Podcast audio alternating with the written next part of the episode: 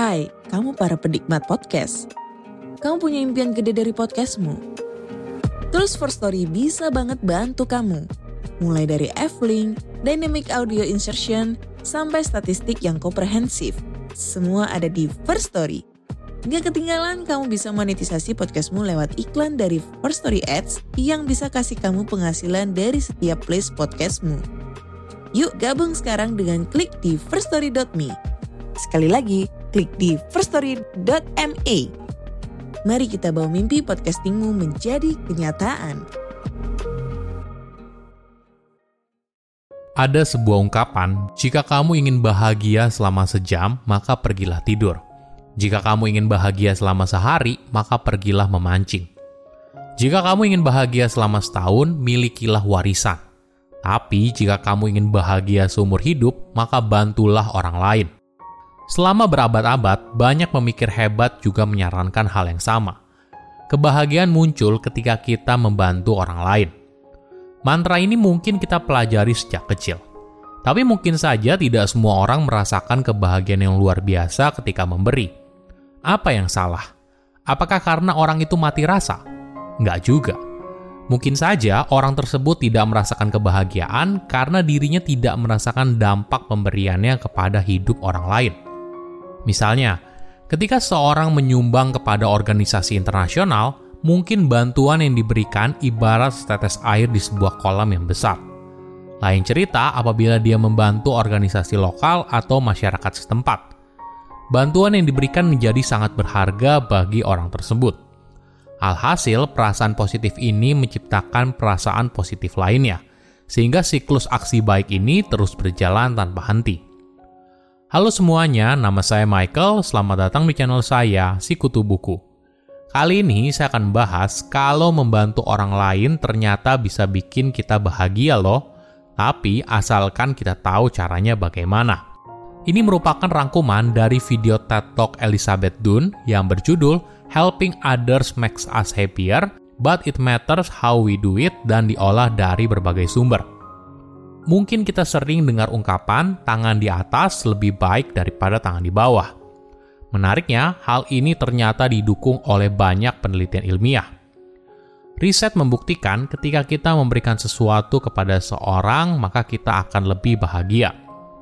Kebahagiaan juga bisa membantu mengurangi stres dan meningkatkan kondisi mental kita. Hal ini tidak hanya berlaku bagi orang dewasa, tapi juga anak balita.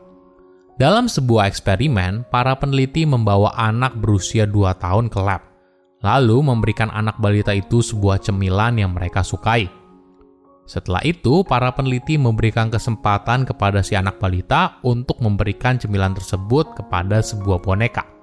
Data menunjukkan anak balita cukup senang ketika mereka diberikan cemilan, tapi mereka lebih senang ketika memberikan beberapa cemilan itu kepada orang lain. Hasil yang sama juga muncul ketika dilakukan survei kepada 200.000 orang dewasa di berbagai belahan dunia. Hasilnya, sepertiga dari mereka mengaku kalau mereka mendonasikan uang kepada yayasan amal dalam sebulan ke belakang.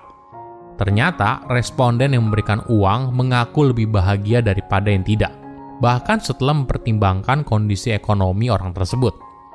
Korelasi ini ternyata tidak main-main.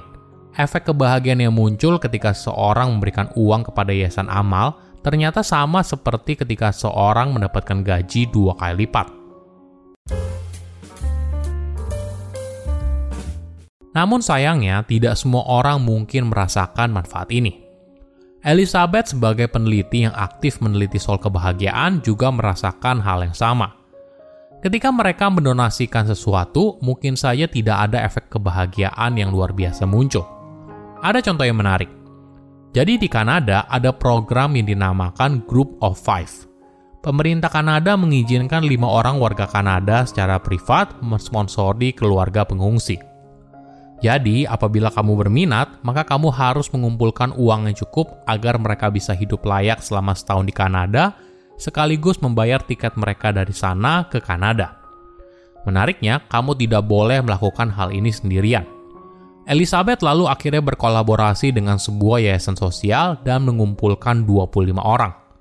Setelah hampir 2 tahun untuk proses administrasi dan menunggu, mereka akhirnya berhasil menemukan sebuah keluarga pengungsi dari Suriah yang siap untuk pindah ke Kanada. Mereka merupakan keluarga dengan empat anak laki-laki dan dua anak perempuan. Ketika hari kedatangan mereka tiba, Elizabeth dan sukarelawan lain mengisi kulkas di rumah keluarga pengungsi dengan susu, buah, dan kebutuhan bahan pokok. Lalu mereka bergegas ke bandara untuk menyambut keluarga tersebut. Itu merupakan momen yang mengharukan. Ibu dari pengungsi itu akhirnya bisa bertemu lagi dengan saudara perempuannya yang telah datang ke Kanada melalui program yang sama. Ini merupakan reuni mereka setelah 15 tahun tidak berjumpa.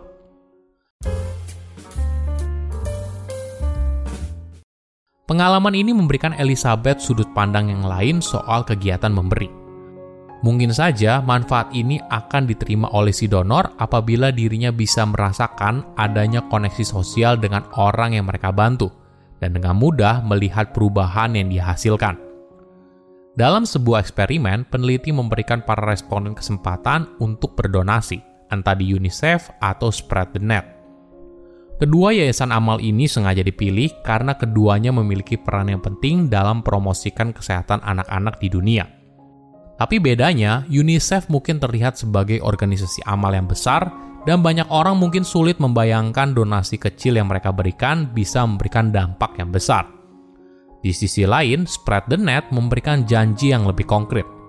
Setiap 10 dolar yang didonasikan, maka mereka akan menyediakan satu jaring nyamuk yang dipakai untuk melindungi anak-anak dari nyamuk malaria ketika mereka tidur. Alhasil, semakin banyak uang yang mereka donasikan kepada Spread the Net, maka semakin besar kebahagiaan yang mereka rasakan. Jadi mungkin saja memberikan donasi kepada sebuah yayasan amal saja tidak cukup. Kita perlu membayangkan bagaimana setiap uang yang kita donasikan bisa memberikan dampak bagi hidup orang lain. Setiap orang tentu saja bisa menemukan kebahagiaan ketika memberikan sesuatu kepada orang lain. Tapi jangan berharap hal ini terjadi otomatis Mendonasikan uang untuk membantu orang lain tidak langsung mempengaruhi kebahagiaan kita. Tapi yang jauh lebih penting, bagaimana kita melakukannya. Kita perlu menciptakan sebuah kesempatan di mana kita bisa menghargai koneksi hubungan sosial yang kita bangun antara si donor dan si penerima. Kita perlu belajar untuk mencari kebahagiaan saat membantu orang lain. Artinya, berhenti berpikir kalau donasi sebagai sebuah kewajiban moral tapi melainkan sebuah sumber kebahagiaan. Kesimpulannya, membantu orang lain tidak hanya bermanfaat bagi si penerima bantuan, tapi juga berdampak besar bagi kebahagiaan kita sendiri. Namun kuncinya terletak pada bagaimana kita menyikapinya. Apakah kita tulus membantu? Apakah kita memahami apa yang dibutuhkan orang tersebut? Apakah kita melihat langsung dampak yang kita berikan kepada orang lain? Semua elemen ini memiliki pengaruh yang besar, bukan hanya sekedar membantu saja. Penting diingat, jangan sampai kita terpaksa memberi. Misalnya ketika teman kita meminta kita untuk menyumbang pada aksi sosial tertentu atau meminta kita ikut jadi sukarelawan. Hal ini mungkin saja tidak memberikanmu kebahagiaan. Jadi, carilah kegiatan sosial yang kamu sukai atau minati. Maka hal ini akan membuat kamu lebih nyaman menjalaninya dan mungkin saja kamu menemukan kebahagiaan di sana. Silahkan komen di kolom komentar pelajaran apa yang kalian dapat ketika tahu informasi ini. Selain itu, komen juga mau tahu informasi apa lagi yang saya review di video berikutnya. Saya undur diri, jangan lupa subscribe channel YouTube Sikutu Buku. Bye bye.